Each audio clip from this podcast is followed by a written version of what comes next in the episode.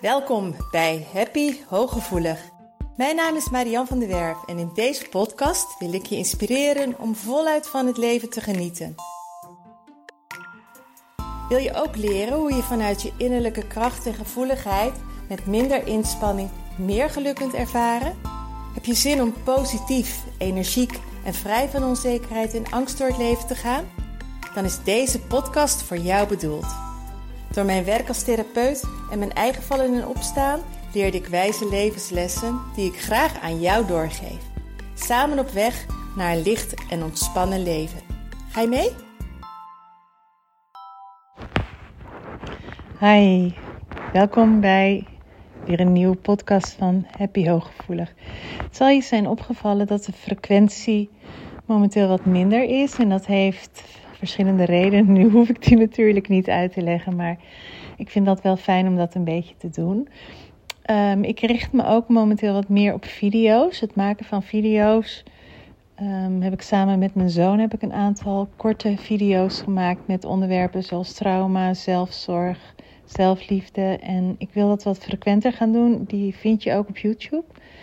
Maar ook op mijn Insta-account, het Zienswijs of op Facebook.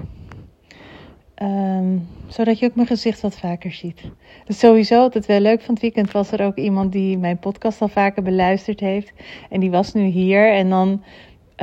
Voor, ik ken hen natuurlijk nog niet, maar zij had voor mijn gevoel, voor haar gevoel kende ze me wel al, omdat ze mijn stem zo heel vaak gehoord heeft. En dat merk ik ook wel vaker als ik een Zoom-sessie met iemand heb die mij uh, wel al gehoord heeft, maar nog niet heeft gezien. Dat is uh, ja, op een of andere manier voelt dat dan vrij snel al vertrouwd. Maar ik denk dat de video's ook wel helpend kunnen zijn um, om dat vertrouwen en, en dat gevoel van: oh ja, ik ken haar, zij is geen vreemde, nog wat meer um, ja, te vergroten. Dat je nog iets meer weet um, wie er nou precies bij deze stem hoort. Uh, een andere reden is dat ik in mijn vrije momenten veel werk, zoveel mogelijk werk aan de training die ik aan het maken ben. Ik ben een online training aan het maken, Happy Hooggevoelig, die in tegenstelling tot alignment um, helemaal zelf te doen is. Dus het is een wat kortere training die je helemaal op eigen houtje kunt doen. Waar geen zooms bij zitten, waar geen persoonlijk contact bij zit. Maar um, die wel heel toegankelijk is. En het mooie ervan vind ik dat als die straks af is, dat je hem in zijn geheel kunt kopen. Maar ook dat je losse modules kunt kopen. Maar daar ben ik ook veel mee bezig. En uiteraard ook met mijn cliënten ben ik uh, op de dag bezig. Um, mijn gezondheid, ik zal niet zeggen laten wensen over, maar mijn energie is niet altijd even goed. En dat heeft onder andere ook wel een reden omdat ik niet um, dan super gezond eet. Dat ik ook wel lekkere dingen eet, wat, um, waardoor ik wel eens wat eiwitten tekort kom, volgens mij. Uh, en dan heb ik wat minder energie. Uh, dus alles bij elkaar maakt dat ik iets minder frequent podcast maken. Wat, waardoor dat ook wel komt, is um, ik wil dat er rust om mij heen is. Als ik een podcast maak, dat er kans dat Floor begint te blaffen nihil is en dat je de auto's niet hoort. En dat is alleen maar s'avonds laat. Dus ik moet hem ook altijd, voor, voor mijn gevoel, maak ik het niet moet, maar ik maak hem het liefst dus wat later op de avond. Um, ja, en als mijn energie dan op is of ik ben nog heel druk met andere dingen bezig, dan komt het er niet altijd van. Maar ik ben wel heel blij dat ik er nu weer ben voor een nieuwe podcast. En ik denk dat ik ook wel een heel mooi onderwerp vandaag heb. En dat is het, um, het waardoor het niet lukt om ander gedrag toe te passen of om ander gedrag vol te houden of om ander gedrag te gaan laten zien. En um, ik merk dat natuurlijk wel eens in de praktijk, met name dat tijdens een sessie iemand echt van goede voornemens is. En als dat dan thuis toegepast moet gaan worden, dan lukt dat niet. Dan durft de persoon niet of um, krijgt het niet voor elkaar of probeert het wel eventjes, maar um, houdt het niet vol. En ik merkte dat toen ik nog in het onderwijs werk, merkt, werkte, merkte ik dat ook. En um, wat ik vrij wel niet vrij snel, wat ik al snel doe, is ehm, dan ga ik een laag dieper. Wat maakt dat het niet lukt? Of wat maakt dat je het niet weet toe te passen? Of wat maakt dat je het niet volhoudt? Of wat maakt dat je het niet durft? En daar zit altijd een winst bij. Dat het gedrag, wat je misschien wel helemaal niet meer wilt, toch iets oplevert wat een veilig gevoel geeft met name. Heel vaak heeft dat een soort te maken met veiligheid. En ik heb het dan over gedrag wat je al heel, heel lang op dezelfde manier hebt laten zien. Um, ik maakte er vandaag ook een post over op Instagram. Want ergens in je leven heb je een keer een besluit genomen om bepaald gedrag te gaan vertonen. Als ik naar mezelf kijk, ben ik op een gegeven moment, dat was wel op een iets latere leeftijd, ben ik, heb ik het verzet opgegeven en heb ik voor waar aangenomen: het, haalt, het helpt toch niet als ik er tegenin ga, of het helpt toch niet als ik ergens voor vecht. En um, toen ben ik heel gewenst gedrag gaan vertonen. Toen ben ik me heel erg gaan schikken naar wat er van de omgeving verwacht werd. Waardoor ik uiteindelijk ook heel erg ongelukkig werd. Maar dat was een besluit wat ik op een bepaald moment nam. En dat gedrag heb ik heel lang volgehouden, omdat het me op dat moment wel wat opleverde. Op dat moment dat ik dat besluit nam, zorgde het ervoor dat er meer harmonie was, dat ik beter contact met mijn ouders had, dat ik um, beter paste in het plaatje wat er van mij verwacht werd. Dus op dat moment leverde het me heel erg veel op. En op een bepaald moment leverde het me niet zoveel, helemaal niets meer op. En ging het me steeds meer tegenstaan. Maar zolang ik nog wel. Um, nee, ik moet het anders zeggen. Het, het, het kostte mij mijn kop. Het meebewegen maakte mij heel erg ongelukkig. En toch bleef ik het doen, omdat het me toch nog iets opleverde. Omdat ik in een bepaalde omgeving terecht was gekomen, die ook weer dat aangepaste gedrag van mij als gewenst gedrag zag. Dus zolang het mij iets opleverde om mee te bewegen met de stroom, bleef ik dat gedrag vertonen. Pas op het moment dat het mij zo ongelukkig maakte en zo niet meer voor mij zelf werkte, besloot ik om dat niet meer te gaan doen. Maar dat had wel consequenties. En ik moest daarmee wel heel erg uit mijn comfortzone. En het lukte mij pas ook om dat gedrag los te laten. Toen ik voldoende van mezelf hield en het mezelf waard vond om meer geluk te ervaren en beter in mijn vel te komen zitten. En dat ik mezelf als waardevol ging zien zoals ik daadwerkelijk ben, zonder dat aangepaste gedrag. Dus dat had best wat voeten in de aarde. En dat duurde best een tijdje voordat ik zover was. En zolang gedrag jou dus iets oplevert, en vaak is dat waarvoor je überhaupt dat gedrag bent gaan vertonen, blijf je dat gedrag voortzetten en lukt het je niet om het te veranderen. En bij bepaald gedrag moet je denken, besluiten die je vaak vroeger genomen hebt, is bijvoorbeeld het pleasen, het zorgen voor anderen, het je heel erg verantwoordelijk voelen, je heel snel schuldig voelen. En dan zul je denken van hoe kan schuldig voelen me nou iets opleveren? Nou, op een moment dat jij je schuldig voelt ergens over, bijvoorbeeld dat je tegen je vriendin zegt: "Ja, ik kan niet komen op je verjaardag, want maar ik voel me er zo schuldig over, ik vind het zo erg."